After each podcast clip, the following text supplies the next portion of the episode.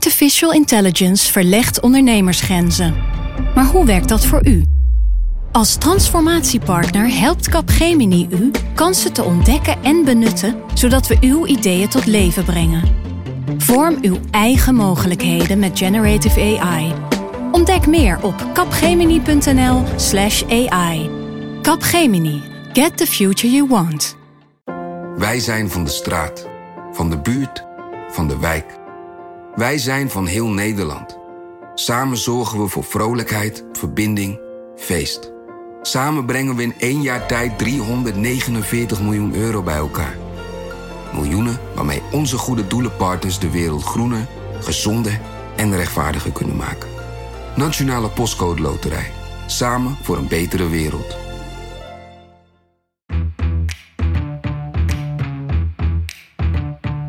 Dit is Haagse Zaken van NRC. Mijn naam is Lemja Aharouai. Ze stonden bij provinciehuizen, het RIVM, het Malieveld. Boze boeren die kwamen deze week met duizenden in opstand. Mensen, ehm, ik dacht als we nou eens met 150 mensen naar Den Haag gaan, dat zou misschien wel leuk zijn om een uh, statement te maken hier. Het zijn er iets meer geworden. En in deze Haagse zaken hoor je hoe die boeren georganiseerd zijn, hoe de lobby werkt, hoe politieke partijen worstelen met aan de ene kant maatregelen die genomen moeten worden en aan de andere kant het boerenbelang en natuurlijk de boerenstem. En je hoort hoe zich dit allemaal verhoudt tot het stikstofdossier. Bij mij aangeschoven Rick Rutte, een van de weinige mensen, Rick, die het stikstofdossier nog wel begrijpt. Ik doe mijn best. En uh, voor het eerst in Haagse Zaken, Karel Smouter, Oost-Nederland-correspondent van NRC. Hoi. Welkom. Jij zit in uh, appgroepjes met uh, boeren waarin de protesten werden besproken ook, voorbereid. Hoeveel meldingen kreeg je deze week per minuut op je telefoon? Het record was 807 per uur. Dus, en las je alles? Uh, nee. Oh, okay. maar ik, uh, vooral de gifjes, nee. ik, uh, er zaten wel wat grappen tussen. Ja, er zaten een hoop grappen en glollen tussen. Ja. Je hebt er een paar ja. doorgestuurd. Ja. De aanleiding voor de boeren om de straat op te gaan, dat is de uitspraak van D66-Kamerlid Tjeerd de Groot. Dat blijft ze steeds herhalen. Die zei de veestapel te willen halveren. Maar in de kern komt het allemaal neer op die stikstofmaatregelen die genomen moeten worden nu het pas is afgekeurd. En als je nu denkt, waar heb je het over? Dan raad ik je aan om toch eerst even naar aflevering 2 van dit seizoen te luisteren van Haagse Zaken. Um, dan kun je het nieuws sowieso deze week wat beter plaatsen. Dat gaat helemaal over het stikstofdossier. Maar goed, om die huidige situatie te begrijpen is het wel belangrijk om een beetje te reconstrueren wat er de laatste weken is gebeurd, Rick. Um, en ik denk dat het goed is om te beginnen met het advies van de commissie Remkes. Ja, precies. Of misschien zelfs nog wel even om de, de levensloop van de commissie in kaart te brengen. Klinkt wel heel spannend. Het kabinet dat hoorde eind mei dat dat stikstofsysteem op de schop moest. Dat was toen de Raad van State die uitspraak deed. En toen in de weken die volgden, zag je dat het langzaam uitgroeide tot een steeds groter probleem waarvan iedereen doorkreeg, oh, dit is heel, heel, heel groot. Nou, wat gebeurt er dan meestal in de politiek? Dan uh, roep je een commissie in het leven en dan laat je die eerst oplossingen aandragen. Dus zo ook hier. En die commissie die werd geleid door uh, Johan Remkes, oud-minister van de VVD. Tegenwoordig en iemand, uh, burgemeester van Den Haag. Man die alles kan. En er ook niet voor terugdeinst om, uh, om bijvoorbeeld de VVD, om zijn eigen partij wel eens tegen te spreken. En dat, uh, dat deed hij ook hier. Want er moesten geen taboes zijn, dat had de coalitie van tevoren besloten. En uh, nou, dat deed Remkes ook niet. Hij zei eigenlijk in dat advies, dat kwam eind september uit, zei hij dat er op allerlei manieren moest worden ingeleverd. En vooral dat het huidige systeem niet verder kon. Niet alles kan, heette dat rapport ook. Nou, wat bedoelde hij dan? waar hadden we dus met die commissie naar gekeken? Naar vooral de landbouw. Daar moesten maatregelen worden genomen om de, de grootste uitstoters te benaderen om ze uit te kopen. Waarom vooral de landbouw? Ja, omdat de landbouw uiteindelijk van al die stikstofuitstoters gewoon het grootste aandeel voor de rekening neemt. Dus uh, in Nederland is ongeveer 41 tot 46 procent van alle stikstofneerslag komt uit de Nederlandse landbouw. Nou, daar kun je dus heel veel winst halen, is de, is de gedachte. Veel meer dan bijvoorbeeld bij uh, andere sectoren. Hè. De luchtvaart wordt heel vaak genoemd. Maar in de metingen zoals we die nu hebben, lijkt dat maar 1% te zijn van alle neerslag. Nou, die landbouw ging dus, uh, ging dus op de schop. Dat was het voorstel van Remkes. Hij deed ook wat andere voorstellen. Hij zei, nou, hè, de maximumsnelheid moet uh, misschien aangepast worden. Dat is ook een manier waarop je die, uh, die stikstofuitstoot omlaag kan brengen. Maar een van de belangrijke adviezen was ook dat dat heel erg om lokaal maatwerk ging. Je hebt eh, het klimaatakkoord eerder gehad, waar je een, eh, een kolencentrale aan of uit kon zetten en op die manier kon berekenen hoe je veel kon besparen. Maar het gaat hier allemaal om die kleine, die meer dan 160 natuurgebieden waar, eh, waar stikstof in de buurt dreigt te komen. Dus dan moet je heel precies eigenlijk lokaal gaan kijken. Nou, laat de provincies dat maar opknappen. Dat was het advies van Remkes en daar ging het kabinet vervolgens nog een reactie op geven. En laten overheden, en dan gaat dat met name over gemeenten en provincies, vooral niet achteroverleunen. Die moeten actief uh, worden. Ja. Actief worden. En het gaat uiteindelijk om het creëren van ruimte. En de provincies krijgen, wat ons betreft, een belangrijke rol uh, in de richting van de agrarische sector. En die moeten dus heel concreet aan de slag. Oké, okay, die moeten concreet aan de slag. Hoe werkt dat dan vervolgens? Ja, nou, die provincies moeten zelf plannen maken. Maar ze wisten ook dat er nog een kabinetsreactie zou komen. Die kabinetsreactie zou nog wat preciezer dan dat advies van de commissie Remkes eigenlijk aangeven. Nou, wat, wat is nou het overkoepelende idee? Waarvan zegt het kabinet, zo willen we het gaan doen? Dus zij gingen lobbyen. Zij wisten namelijk, wij moeten uh, heel erg op de rem met die stikstofuitstoot. We hebben straks heel weinig stikstofruimte over. Wat is onze grootste prioriteit? Nou, daar waren ze al snel uit. Dat was de bouw. Want er is een enorm woningtekort in Nederland. Enorm woningtekort. Provincies gaan over de leefomgeving. Hè? Over hoe, hoe, hoe richten we een provincie in. Ja, en de provincies zijn dus verantwoordelijk voor die vergunningen. En die moeten dus steeds meewegen, oké, okay, hoeveel stikstof gaat hierbij vrijkomen? En die dachten, ja, als wij moeten kiezen tussen landbouw en woningbouw, dan gaan we toch voor die woningbouw. En dan wordt het heel technisch. Maar we gaan het toch proberen. Oké. Okay. De provincies die hadden eigenlijk aan het kabinet twee voorstellen gedaan. Het gaat erover wat gaan we nou doen met die boeren die straks hun, uh, hun boerderij willen verkopen? Hoe gaan we daarmee om? Die boeren die hebben niet alleen een, uh, een boerderij, ze hebben niet alleen dieren, ze hebben ook, ja, laten we het maar stikstofrechten noemen. Ze mogen een bepaalde hoeveelheid stoffen uitstoten. Mm -hmm. Maar als een boer wordt uitgekocht, hoeveel ga je hem dan geven voor die stikstofrechten? Nou, dan heb je een paar opties. Uh, je kunt uitgaan van het aantal dieren dat er staat en wat die uitstoten.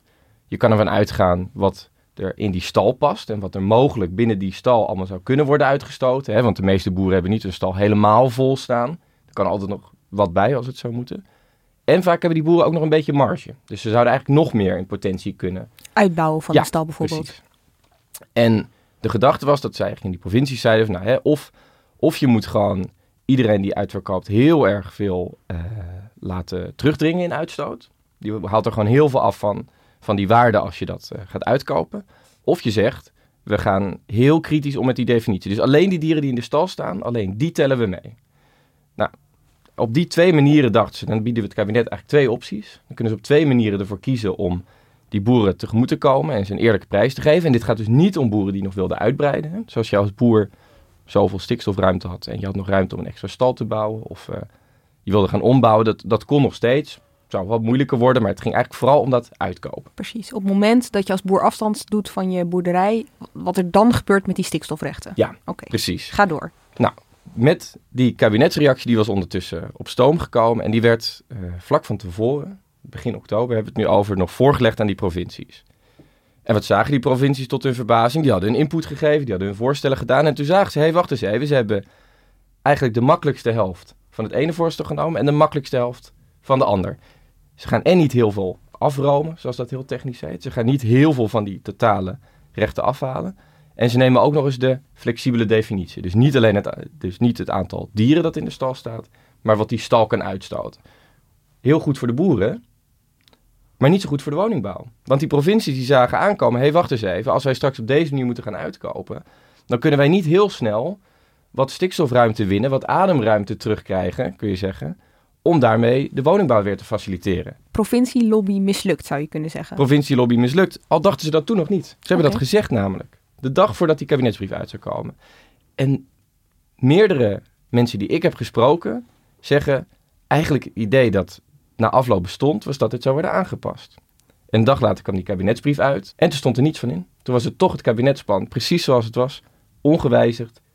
Lobby mislukt. En provincies uh, not amused die kabinetsbrief die komt, die provincies die balen enorm. Maar is er nog ruimte voor hen om eigen keuzes te maken?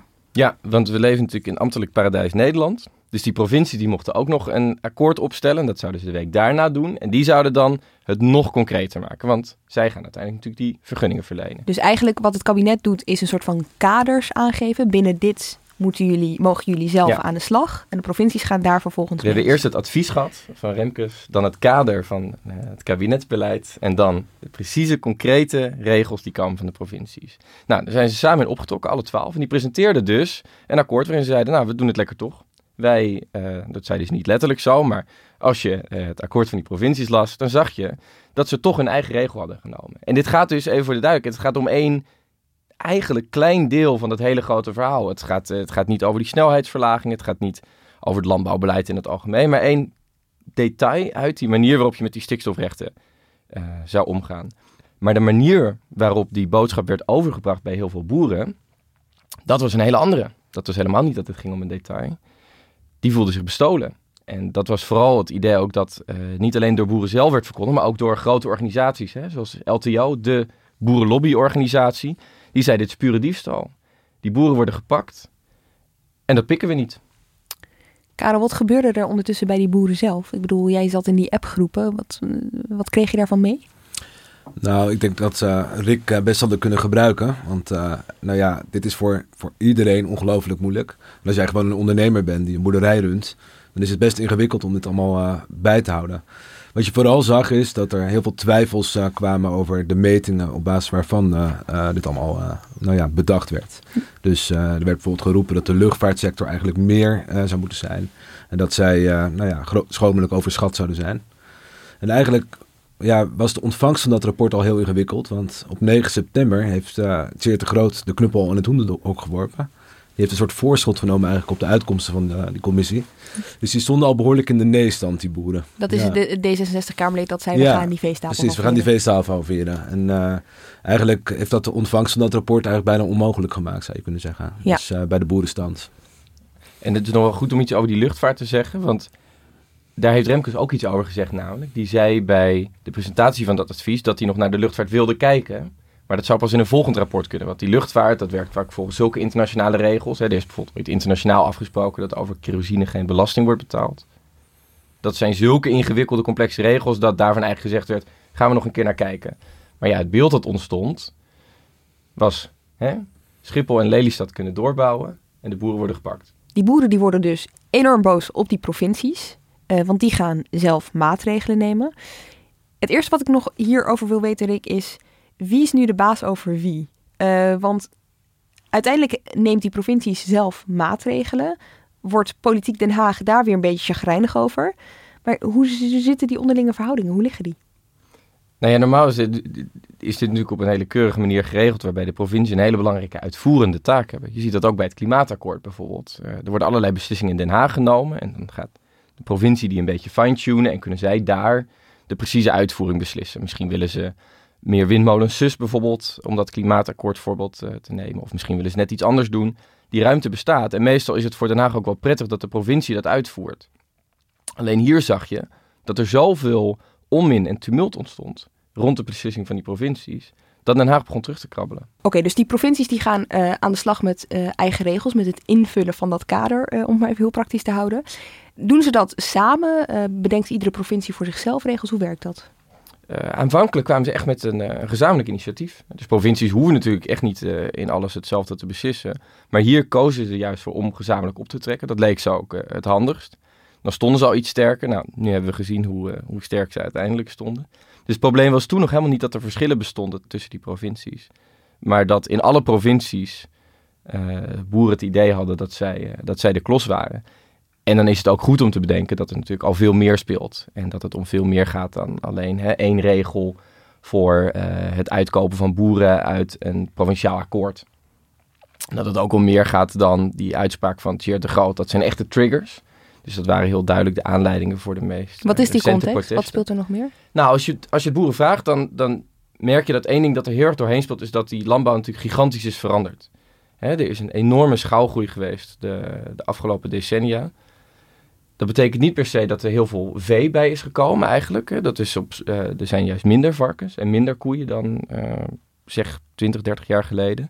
Maar die bedrijven worden wel steeds groter. Hè? Dus wel in de jaren 80 hadden we 40.000 varkensboeren in Nederland. Het zijn er nu 4.000.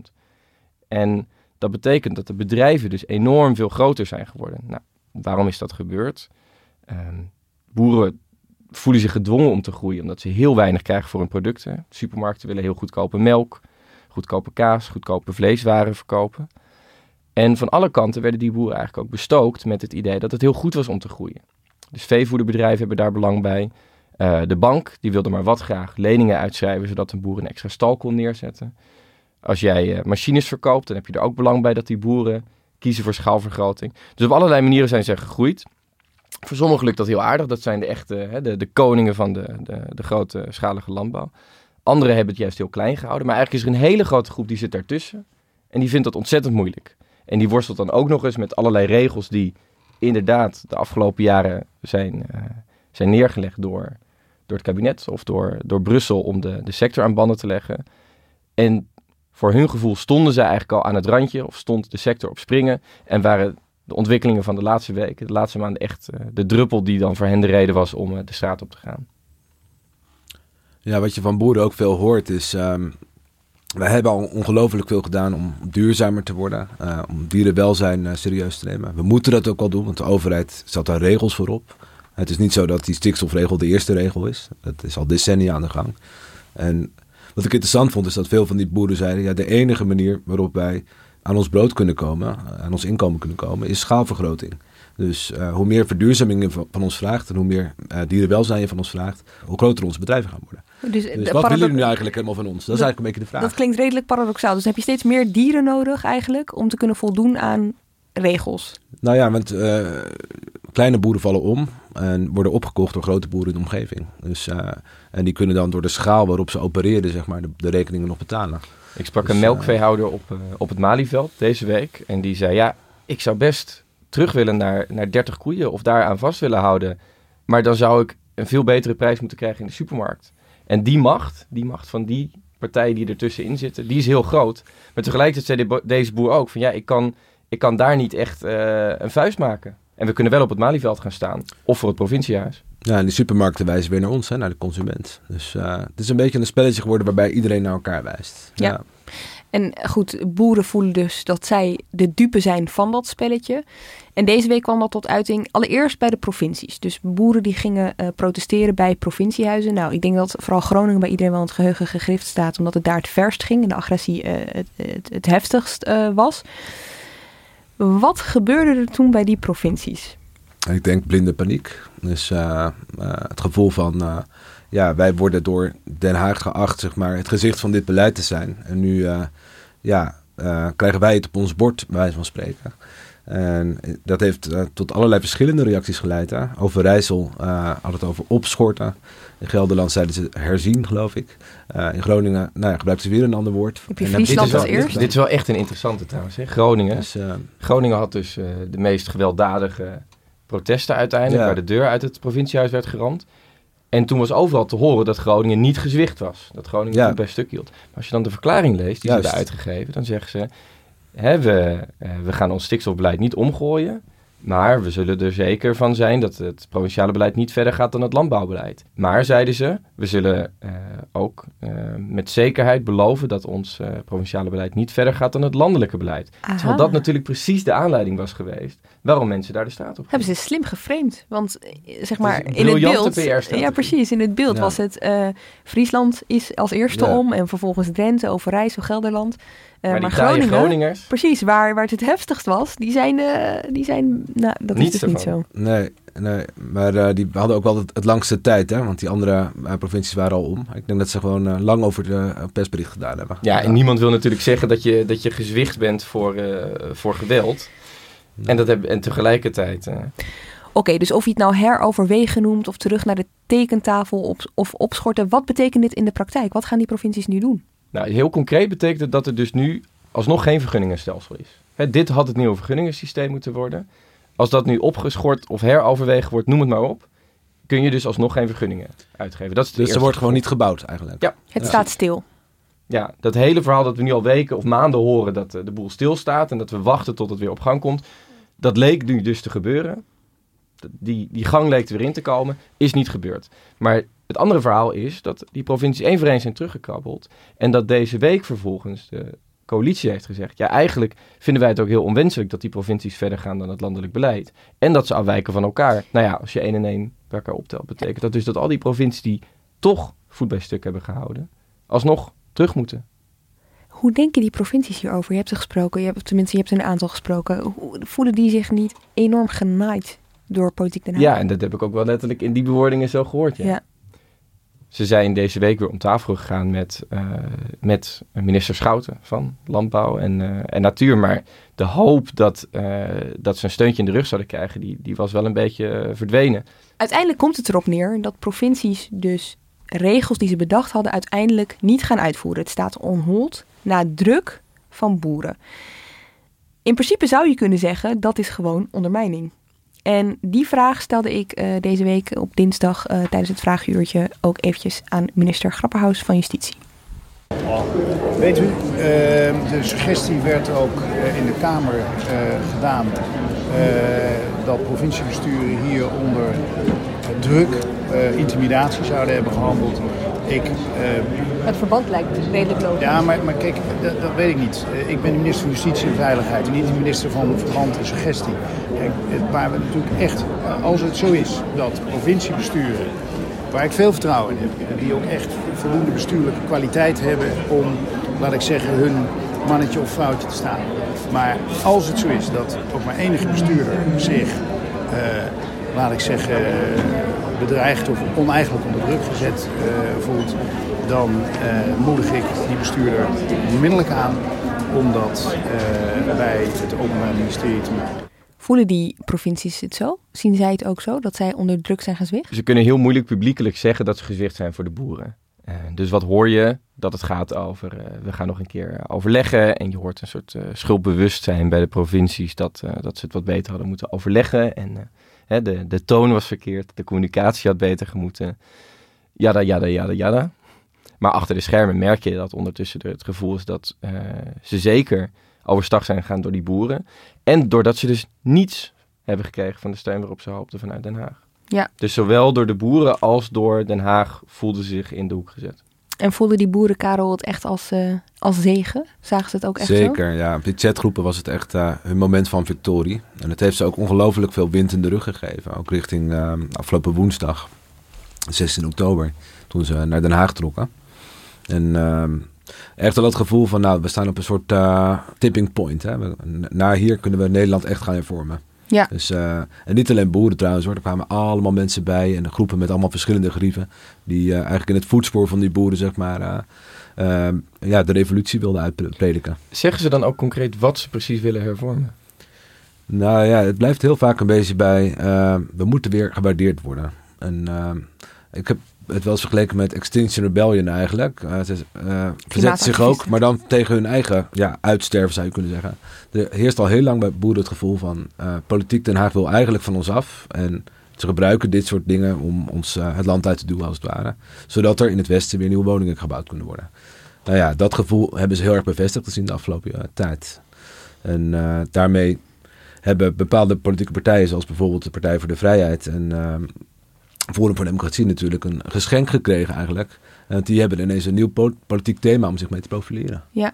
Worden hun namen ook echt genoemd in die groepen? Worden, zijn, zij de, zijn, zij- zijn zij de helden? Nou, er wordt wel over gediscussieerd. Eh, er wordt ook wel gezegd van, eh, nou, hoe vaak hebben we Baudet nou eigenlijk bij een landbouwdebat gezien? Nou, eh, één, één keer in anderhalf jaar nu, dus eh, dat valt wel mee.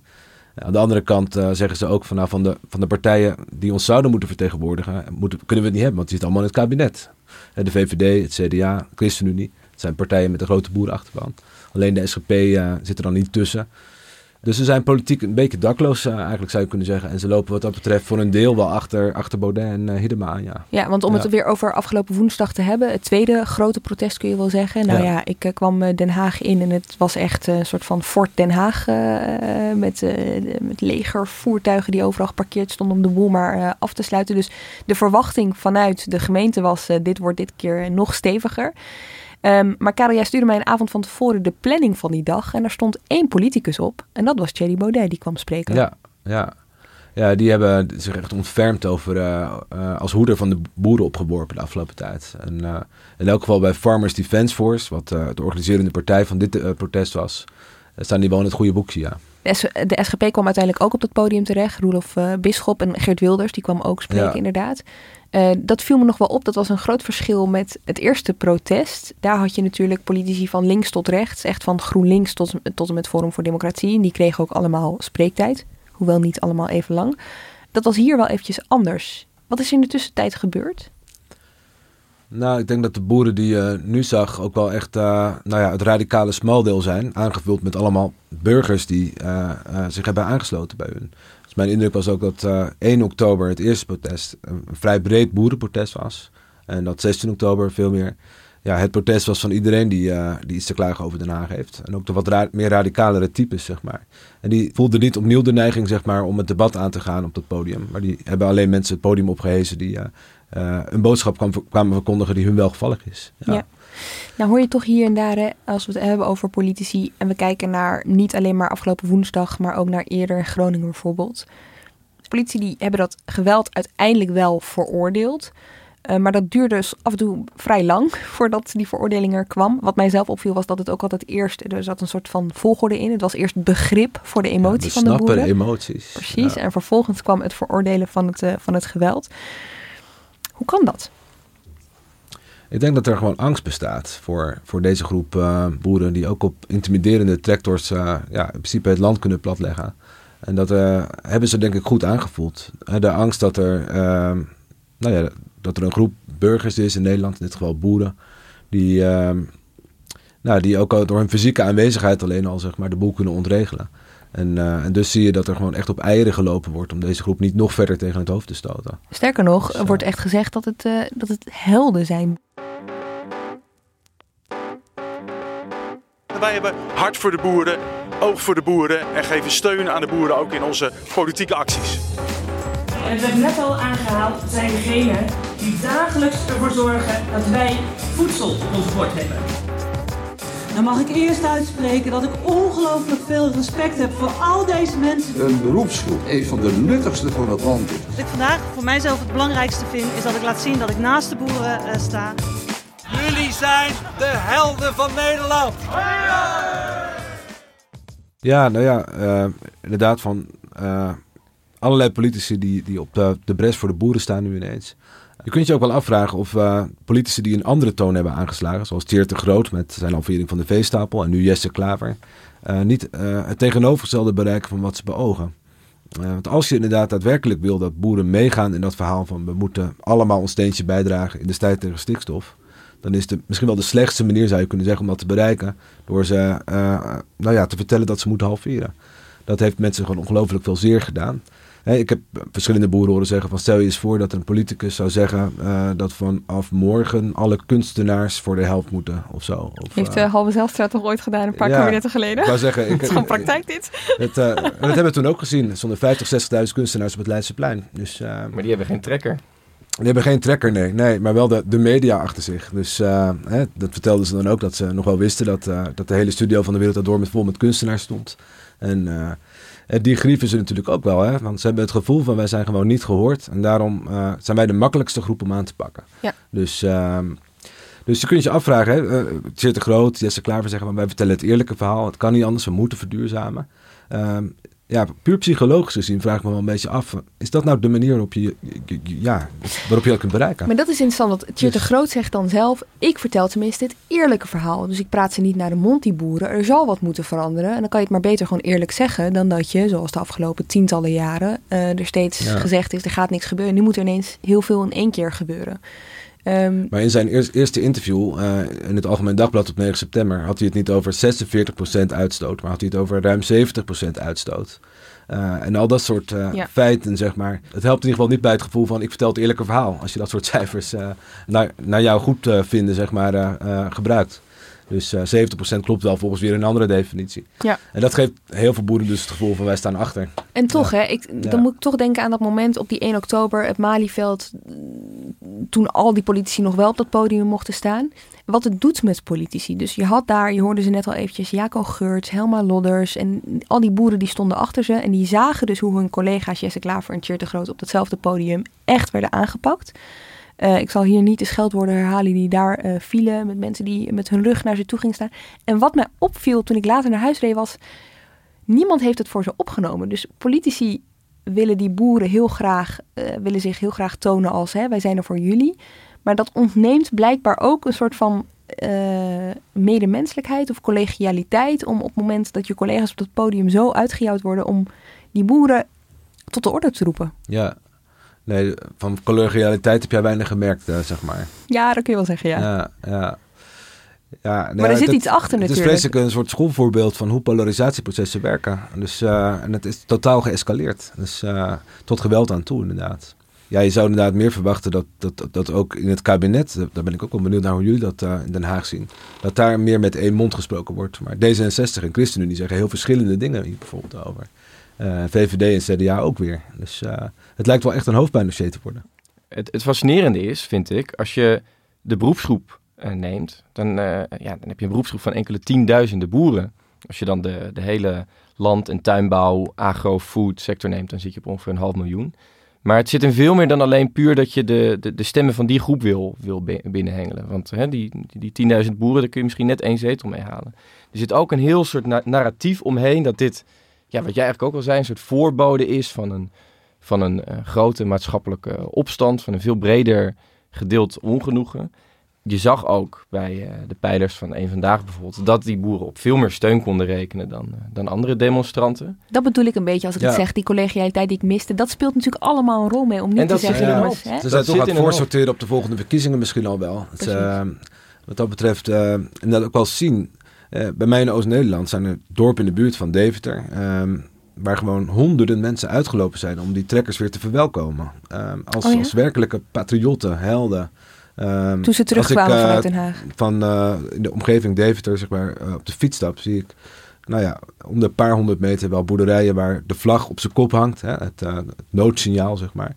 Dus en niet alleen bij boerderijen, maar ook gewoon bij burgers zie je dat. Hm. Dus, en dat, daar zit natuurlijk wel een, een breder gedeeld gevoel van, van machteloosheid onder en polarisatie. Maar het is, het is zoveel zeggen dat, dat niemand bijvoorbeeld op zo'n podium zich uit durft te spreken als dat, als dat gewoon uh, echt ontzettend grove en beledigende vormen aanneemt. En dat heeft, dat heeft echt te maken met dat het, het is zo'n uh, sprekend narratief ook voor veel politici. Hè? Het is niet, het is een hele duidelijke belichaming van, uh, van onvrede. Maar er zit ook een soort narratief aan van de boer als, als hoeder van het nationale erfgoed. Juist. Als een soort ultieme patriot. En ook als een soort laatste uh, Gallische dorpje in tijden van globalisering, uh, blijkbaar. En we hadden het net over die, die schaalvergroting. Over die uh, mega boerderijen en megastallen. Nou, hou dat nog eens in je hoofd. Als je bijvoorbeeld Thierry Baudet hoort spreken bij de, de landbouwbegroting vorige week. Door de industrialisatie uh, de mens geleidelijk vervreemd raakte van de natuur, van de organische omgang met de aarde, met de grond, met de dieren. En dat ook de romantiek, de romantische kunst, eigenlijk een poging is om uh, dat op een of andere manier te behouden, terug te vinden. De 16 symfonie van Beethoven bijvoorbeeld, schilderijen uit de 19e eeuw, poëzie van Baudelaire misschien op zekere hoogte. Nou, dit is echt een totale romantisering van uh, van het boerenberoep. En ook een, een, definitie die, die voor boeren al lang niet meer opgaat. Sterker nog, je kunt je ook afvragen in hoeverre boeren er nou mee geholpen zijn dat hun beroep wordt, wordt voorgesteld als een soort romantisch idee van iemand die 's ochtends opstaat en wat knollen uit de grond gaat trekken uh, of een paar koeien aan de hand door het veld geleidt. Maar dat is wel hoe het, uh, hoe het door dit soort partijen heel erg gepresenteerd wordt. Ja. ja. En jij vraagt, Karel, hoe, hoe zoiets nou is in de coalitie ja, met al die verschillende... Ja, levert dat niet uh, onoverkombare spanning op? Uh, ja, en, die, en, ja en, en er is ook veel ergernis. En die richt zich vooral op, op uh, D66. Maar daar heb je iets meer context voor nodig dan alleen maar dit verhaal van Tjeerd de Groot... waarmee het allemaal begon. Mhm. Mm -hmm. bij D66 hebben ze lange tijd een beetje gebaald... dat zij eigenlijk heel weinig kleur op de wangen hadden in deze ja. coalitie. Waartoe, hoorden ze ook af en toe van hun achterban... waarom zitten jullie er eigenlijk in als jullie vooral aan het inleveren zijn... op het referendum bijvoorbeeld, hè, op voor ons heel belangrijke... Onderwijs. Um, ja. Precies. Ja. Nou, dachten ze in de zomer. Ze hebben een paar fractiedagen gehad. En ze dachten, we gaan dit helemaal anders doen. Van nu tot de verkiezingen gaan wij laten zien waarom wij eigenlijk in deze coalitie zijn gestapt. En als je dan terug gaat redeneren, op 2 september had je Pia Dijkstra in het AD met een interview over voltooid leven. Hè. Hugo de Jonge, de minister die daarvoor verantwoordelijk was, die moest dus opschieten met zijn onderzoek. Dan heb je precies een week later op 9 september Cheer te Groot. Met inderdaad dit inmiddels befaamde interview over met het AD over de halvering van die veestapel. Dan heb je op 12 september Vera Bergkamp, die als eerste van de coalitie zegt er moet een vrouwenquotum uh, komen, tijdelijk in ieder geval dan heb je op 4 oktober, dus en, ondertussen zijn die andere coalitiepartijen die denken al van jongens, doe eens even rustig aan. En dan heb je op 4 oktober weer Cheer te groot. Dus dan zijn die eerste protesten in Den Haag al geweest. Hij is al uitgejoeld op dat podium. En dan zegt hij tegen de Volkskrant, verplichte sluiting van bedrijven moet je zeker niet uitsluiten. Nou ja, dat levert wel wat spanningen op binnen de coalitie inderdaad. Dat wil ik geloven, ja. Dus tijdens de laatste... Eigenlijk zijn ze campagne aan het voeren ja, ze willen ja, zichzelf uh, wat kleur op de wangen geven, zo noemen ze dat dan. Uh, en daar hebben ze afspraken over gemaakt met z'n vieren. Dat mag ook, maar je valt elkaar daarin niet echt aan. En D66 heeft dat de afgelopen tijd, hoor je bij de andere die partij, wel erg vaak gedaan. Overigens is het ook wel zo dat de andere partijen daar ook flink mee bezig zijn hoor. Maar de gebeten hond is op dit moment echt D66.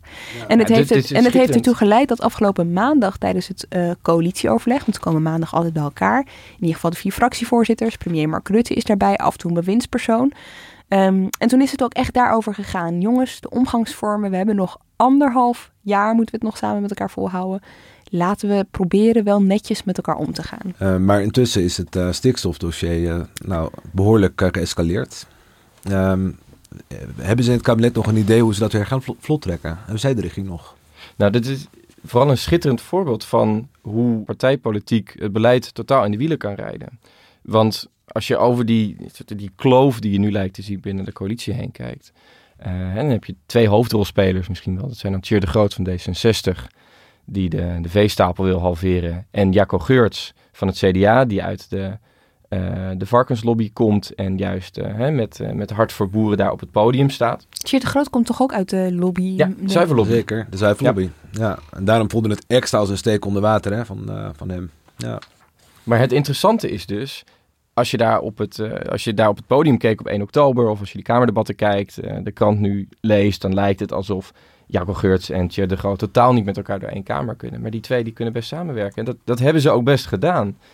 Als je het regeerakkoord er nog eens bij pakt. Dan zie je daar bijvoorbeeld een heel verhaal over... Uh, eigenlijk precies de discussie die nu weer woedt. Hè? Het inkrimpen van de veestapel versus het, het vrijwillig uitkopen van boeren. Die discussie speelde toen ook al. En Geurts en de Groot zijn toen op tafel gaan zitten en die zijn eraan gaan werken. En die kwamen tot een oplossing. Want het is heel goed om te bedenken dat als je het hebt over maatregelen die, uh, die boeren uh, uitkopen. CDA kan daar ook best baat bij hebben. Geurts vindt dat ook best een goed idee. Want er zijn ook allemaal varkensboeren die maar wat graag willen stoppen. Die in de schulden zitten, die geen opvolger hebben gevonden op een boerderij. Die best wel willen stoppen als ze daar een goede vergoeding voor krijgen. Dus D66 en CDA hebben gewoon alles de handen ineengeslagen. En zijn toen al met een plan gekomen. 250 miljoen beschikbaar gesteld om boeren te helpen die door willen. Of boeren uit te kopen voor een goede vergoeding die ruimte is er best wel. Je zag dit jaar weer bij het klimaatakkoord. Daar staat ook een hele landbouwparagraaf in. Weer van de hand van Geurts en de Groot. Het staat er niet onder, maar zo is hij tot stand gekomen. En die twee kunnen dus best samenwerken. Maar je ziet dat zodra die profileringsdrang er, er doorheen komt... en dat het ineens zo'n gepolariseerd onderwerp wordt... Uh, dat je je gaat afvragen, gaat het nog wel lukken? ja. ja. En voor het CDA, uh, Karel, is natuurlijk ook, uh, zij zijn de boerenpartij, dus ze hebben er ook wel echt wat bij te winnen. Of tenminste, ze waren dat tot nu toe. Ja, dat zie je toch wel onder druk komen te staan. Met de laatste statenverkiezingen zag je dat uh, uh, boeren al richting Forum voor Democratie gingen. Uh, sommige dorpen in Drenthe trokken ze zelfs een derde tot 40 procent van de stemmen. dus dat zegt al wel wat. En nou ja, je kunt je afvragen inderdaad of ze die stemmen nog wel weer terug gaan winnen op deze manier. In de chatgroepen die ik volg en met de boeren die ik spreek, vinden ze de maatregelen en de, de, de retoriek van Jacob Geurts vooral symboolpolitiek. hij stelde vorige week voor om in het Kamerrestaurant alleen nog maar producten van Nederlandse bodem te serveren. Nou, daar prikken ze gewoon wel doorheen, zeg maar. Um, Hoe wordt daar dan op gereageerd? Nou, met hoongelach. Dus, uh, um, en dus uh, zie je inderdaad dat, uh, dat ze nog meer richting met name Forum aan het trekken zijn. Of naar de boer-burgerbeweging die afgelopen woensdag uh, van start gegaan is. Dat is een nieuwe partij. Een nieuwe partij. En uh, daar gaan we het nu niet heel uitgebreid nee, nee. over uh, hebben. Nee. Maar voor um, luisteraars die denken, die, wat is die partij? luister de aflevering van de podcast vandaag van 16 oktober terug. Ook met jou Karel. En daar Ja. leg je uit wat die partij precies doet. Hè? Juist. Maar het gaat niet alleen maar om politieke partijen. Het gaat ook om al oude lobbygroepen die ook een beetje de steun, daar, daar, daar brokkelt het ook af. Ja, ik sprak gisteren toevallig met uh, de oud-directeur van LTO Nederland, uh, Dirk Duizer. Hij is tegenwoordig directeur bij de Rabobank. Dat is iemand die al 40 jaar lang uh, ja, onderdeel uitmaakt, zou je kunnen zeggen, van de, van de, van de agro-lobby in Nederland. -hmm.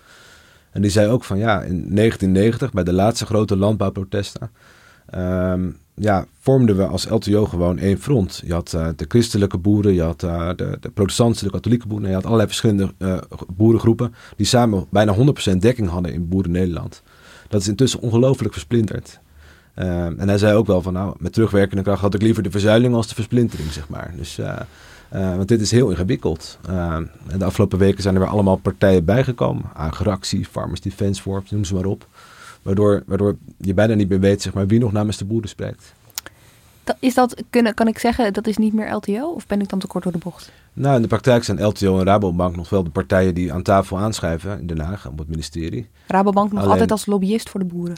Uh, ja, die, die vinden van zichzelf dat ze zijn opgericht door de boeren. Uh, nog maar 15 miljard van de 600 miljard uh, ja, euro's zeg maar, die er jaarlijks rondgaan bij de Rabobank uh, zijn van Nederlandse boeren afkomstig. Of eigenlijk 30 miljard moet ik zeggen. Dus als het om de halvering zou gaan, zou het maar om 15 miljard gaan. Maar qua sympathie, zeg maar, kunnen ze het zich niet veroorloven om de boeren af te vallen. Dus die hebben zich ook wel achter de boerenprotesten geschaard. Op een manier. Ja. Ook financieel? Uh, Rabobank niet financieel, is mij verteld. Uh, dat zie je, wel, je ziet wel veevoederbedrijven en dat soort uh, partijen die achter de schermen wel uh, geld geven. Ja. Ja. ja, wat nog wel goed is om daarbij natuurlijk te bedenken is die, die individuele boeren die kunnen best openstaan om uh, een kleinere veestapel aan te houden of op een gunstige manier te stoppen. Maar voor een veevoederbedrijf is een kleinere veestapel heel concreet gewoon slechter. Dus voor hen is het veel vanzelfsprekender dat zij ook tegen dit soort maatregelen zijn. Er zijn genoeg boeren die bijvoorbeeld willen stoppen en die een gunstige regeling willen. Uh, maar eigenlijk heeft een veevoederbedrijf er helemaal geen baat bij als er bijvoorbeeld een fantastische regeling komt waardoor allemaal boeren gaan stoppen. Want dat betekent dat zij misschien wel veel minder veevoer gaan leveren. En dus financieren zij die protesten? Want nou, ik heb bijvoorbeeld gebeld uh, met Four Farmers. Ja? Dat is een uh, echt miljardenbedrijf uit de agrarische sector die ve veevoederleverancier uh, is. En die zeggen van nou, we, we, wat we doen is we geven geld aan een communicatiebureau zodat we die boeren helpen beter te communiceren. En je merkt ook wel dat ze uh, ongelooflijk bang zijn dat er iets uh, gebeurt. Dus bij elke misstap zeg maar, hangen zij aan de lijn om die activisten ook te vertellen van jongens, even dimmen. We kunnen geen slechte publiciteit uh, gebruiken. Ja. Een risicovol belang, zullen we het maar eventjes ja, noemen. Ja, het is echt op eieren lopen. Want uh, er hoeft maar één zeg maar gewonde of misschien zelfs doden te vallen... bij van spreken dit soort protesten. Of iets echt falikant mis te gaan. En uh, dat soort partijen kunnen wel inpakken natuurlijk. Dus, maar achter de schermen, dus zonder dat ze nou met naam en toenaam overal staan... zeg maar, geven ze zeker wel geld aan die protesten. Ja. Is dat transparant? Kun jij een beetje terug herleiden wie hoeveel geld geeft? Nee, ik ben er wel mee bezig geweest. ik heb een, ja, een rondje gebeld, zeg maar... Um, En het enige wat ik uh, hard heb kunnen krijgen is dat voor Farmers uh, een donatie gegeven heeft aan een communicatiebureau. En dat communicatiebureau is ingeschakeld om nou ja, de PR te stroomlijnen. Oh ja. Dus ja, maar, maar verder is het moeilijk om daar een vinger achter te krijgen. Misschien dat andere collega's dat inmiddels beter gedaan hebben. Maar ja. Even terug naar LTO, want ik moet zeggen, voor mij is dat toch altijd de boerenlobby geweest, tot nu. Ja. Um, valt er wat te zeggen over? Want boerenlobby klinkt een beetje uh, abstract. Maar uh, de laatste formatie bijvoorbeeld. Kun je, kun je dingen herleiden waar, waarvan je zegt... Van alle uh, lobbyorganisaties, als je kijkt naar politieke toegang... dat heeft Vrij Nederland een paar jaar geleden gedaan. Gewoon, hè, wie komt er het meeste langs eigenlijk in Den Haag? Nou, dan staan ze in de top vijf. Hè, dus achter clubs zoals VNO-NCW en de Vereniging van Nederlandse Gemeenten dan staan zij daar voor uh, bijvoorbeeld uh, de, de universiteitenvertegenwoordiging, om maar wat te noemen. Ze staan echt hoog daarin. En dat is dan LTO die namens de hele landbouw zegt, zegt te spreken. En ook echt die succesjes heel erg claimt en uitdraagt. Als je kijkt naar het laatste regeerakkoord bijvoorbeeld, is een van de meest duidelijke dingen die zij claimen, dat is het feit dat er weer een ministerie van Landbouw bij is gekomen. Ja. We hebben jaren een staatssecretaris voor Landbouw gehad. En op het moment dat er een ministerie komt, dan is er weer uh, mankracht beschikbaar. Dan is het toch heel verleidelijk voor degene die daar in de top zitten, of in elk geval voor LTO, om dat zo te zien, dat die minister daar ook zit voor de boeren. Dus niet voor de, voor de landbouw en de natuur, maar echt namens de boeren. Maakt het een stuk makkelijker voor, voor LTO om hun, uh, om hun lobbybelang te verdedigen.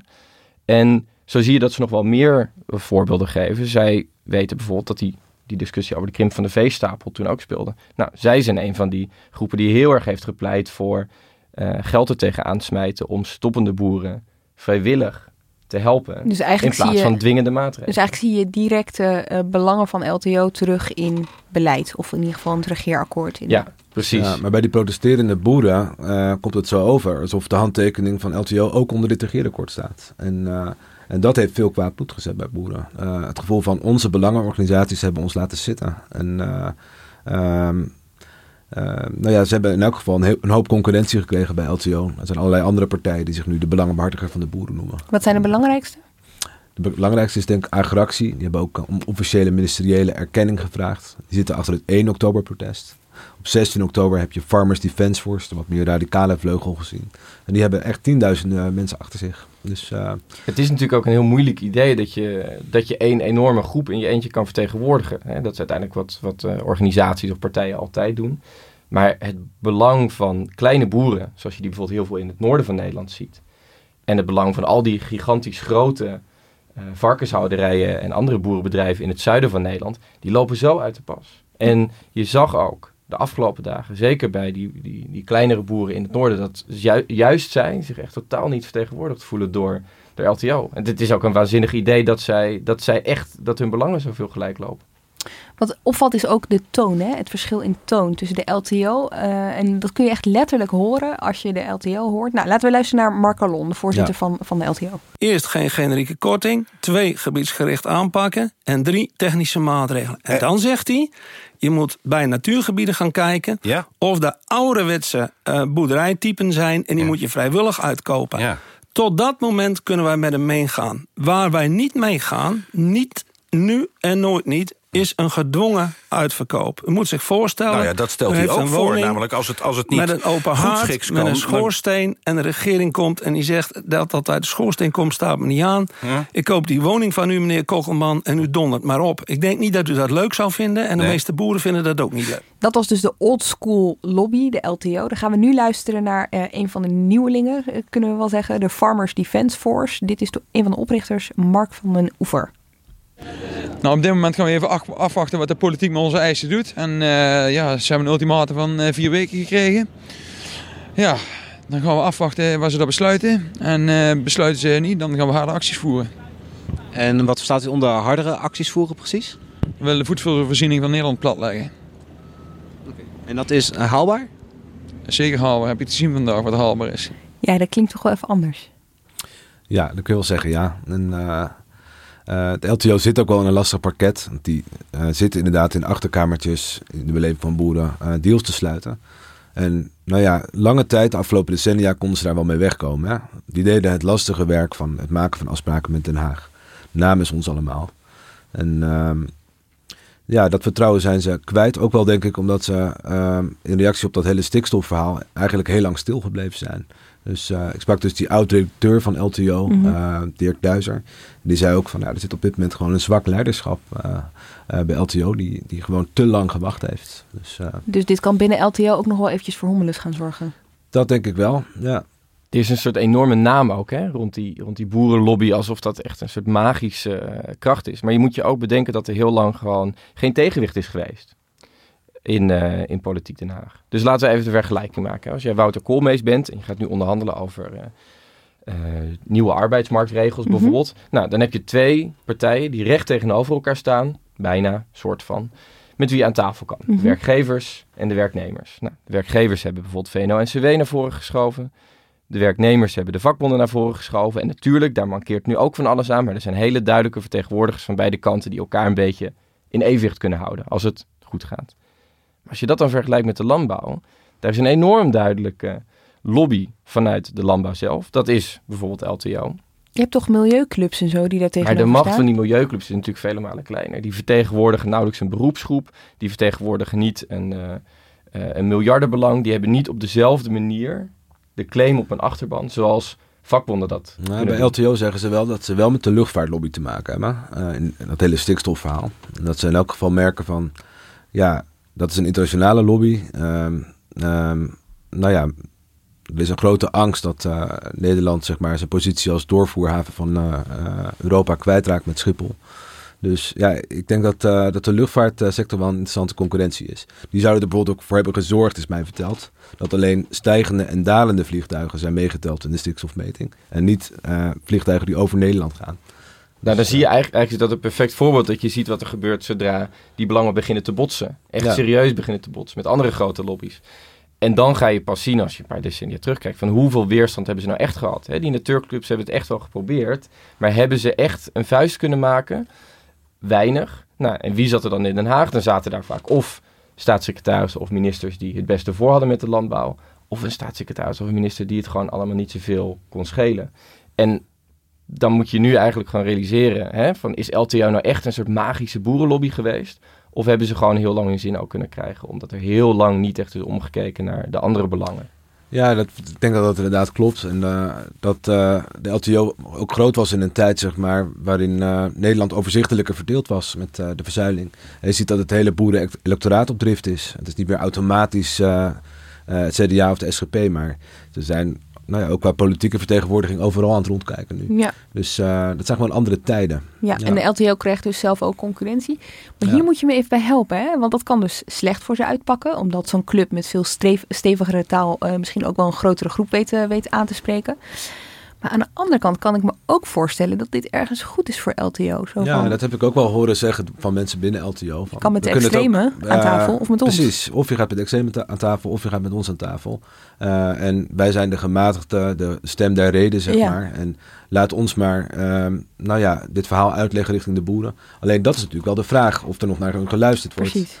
Toen het zo uit de hand liep in Groningen, stuurde LTO Noord ineens een persbericht uit van jongens rustig aan doen. Maar daar werd eerlijk gezegd vooral om gelachen. Net alsof we nog naar jullie luisteren. Dus, eh, maar goed, ik denk inderdaad dat ze op dit moment zullen proberen om er zo, een zo goed mogelijke deal voor de boeren uit te halen. Ehm, zodat ze ook weer naar die andere partij kunnen stappen van... hé, hey, jullie kunnen wel roepen, maar wij kunnen echt eh, iets gedaan krijgen. En als we het hebben over een zo goed mogelijke deal voor de boeren, ehm, praat ik langzaam naar een afronding toe. Wat zou dat zijn voor die boeren? Wat willen zij nu?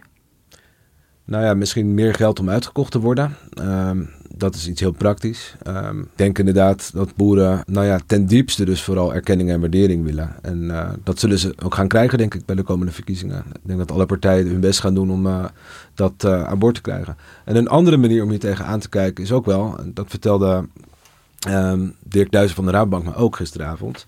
Van, je zou ook kunnen kijken van wat kunnen we doen om stikstofuitstoot op boerderijen te compenseren. Door bijvoorbeeld bomen te planten op boerderijen of om uh, zonnepanelen op uh, velden neer te leggen. Uh, wat hij eigenlijk zei is van kunnen we dit als een kans gaan zien om haast te maken met verduurzaming. Dus uh, wat ik verwacht is dat er ook ja, dat er nu gepoogd wordt om het niet op een polariserende, maar op een wat meer verzoenende manier, zeg maar, dat hele stikstofbeleid als een kans te gaan benutten. Dat soort taal zul je gaan zien de komende tijd. Ja. Wat dat betreft was het deze week ook geen verrassing om dan Tjeerd de Groot samen met uh, de voorzitter van de fractie aan tafel te zitten. Uiteindelijk is het wel Nederland, dus we gaan uiteindelijk denk ik wel weer de vredespijp met elkaar roken voor een deel. Ja. Maar of de onvrede helemaal weg is uh, bij, bij, bij die wat meer radicale vleugel, dat vraag ik me af. Dus, wat, uh, zie, denk... jij, zie jij in die appgroepen dat er al een nieuwe staking of een nieuwe protest wordt aangekondigd? Uh, nee, de consensus is op dit moment, um, dan praten we 17 uh, oktober, um, dat ze hun hand niet moeten overspelen. Ze hebben de sympathie van de burgers uh, gewonnen. Uh, die heeft even onder druk gestaan, maar 16 oktober was weer een succes. En als ze nu doorgaan, dan, worden ze in hun eigen beleving zelf drammers. Dat moeten ze niet hebben. En Rick, je ziet nu al dat die bouwsector ook denkt, uh, wij moeten ook, hè? Want het moet ergens vandaan komen. iemand moet inleveren, of dat nou inderdaad de boeren zijn of straks de bouwbedrijven. Verwacht je straks hijskraan op het Malieveld? Nou ja, dit is wel de andere beroepsgroep die grote indrukwekkende voertuigen heeft Precies. als het erop en dat werkt. komt. Het werkt. ja, dat zou helemaal mooi zijn. Uh, trekkers tegen hijskranen. Ja. voor het plaatje wel, maar voor de praktijk? Maar de, de, de, kijk, het grote dilemma is dat je tot nu toe heel vaak dit soort dingen procesmatig kon oplossen. Met commissies en met tussenoplossingen en, en, en noem maar op. En dat dat in de landbouw zo is gedaan. En dat dat meestal wel werkte. En dat dat nu een halt toe is geroepen. En dat het heel moeilijk wordt om dat nog een keer te, te flikken. Dus ofwel moet je echt op heel veel manieren die stikstofuitstoot gaan terugschroeven. Of, en dat is de andere oplossing die nu wel eens hoort langskomen, we moeten juist veel meer extra natuur creëren. Want hè, als we al die natuurgebieden aan elkaar verbinden, als we nog veel meer Natura 2000 gebieden in Nederland hebben, heb je ook weer extra ruimte om meer stikstof uit te stoten. En kun je dus nog, meer, uh, kun je dus nog wat langer je gang gaan. Toch lijkt het nu eventjes helemaal stil te liggen. Hè? De oplossingen voor dat uh, stikstofdossier. Heb je het gevoel dat, het, uh, binnen, dat er binnenkort ineens een Eureka-moment is en dat er de oplossing is? Ik denk dat we het nog heel lang over stikstof gaan hebben.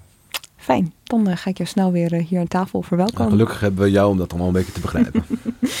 en als dat nieuws er is, dan lees je dat in de Haagse Stemming politieke nieuwsbrief van NRC. Elke dag in je inbox als je je inschrijft.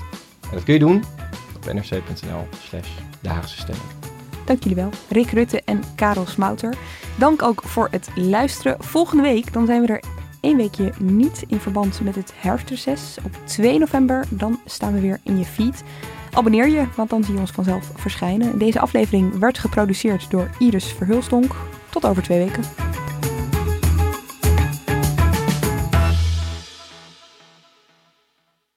Je hebt aardig wat vermogen opgebouwd. En daar zit je dan, met je ton op de bank. Wel een beetje saai, hè? Wil jij, als belegger, onderdeel zijn van het verleden of van de toekomst? Bridgefund is een slimme fintech die een brug slaat tussen de financiële behoeften van ondernemers en van beleggers. Dus wie belegt bij Bridgefund krijgt niet alleen een mooie vaste rente, maar brengt ook ondernemers in beweging. Echt waar, met die ton kan je zoveel betere dingen doen. Bridgefund. Make money smile.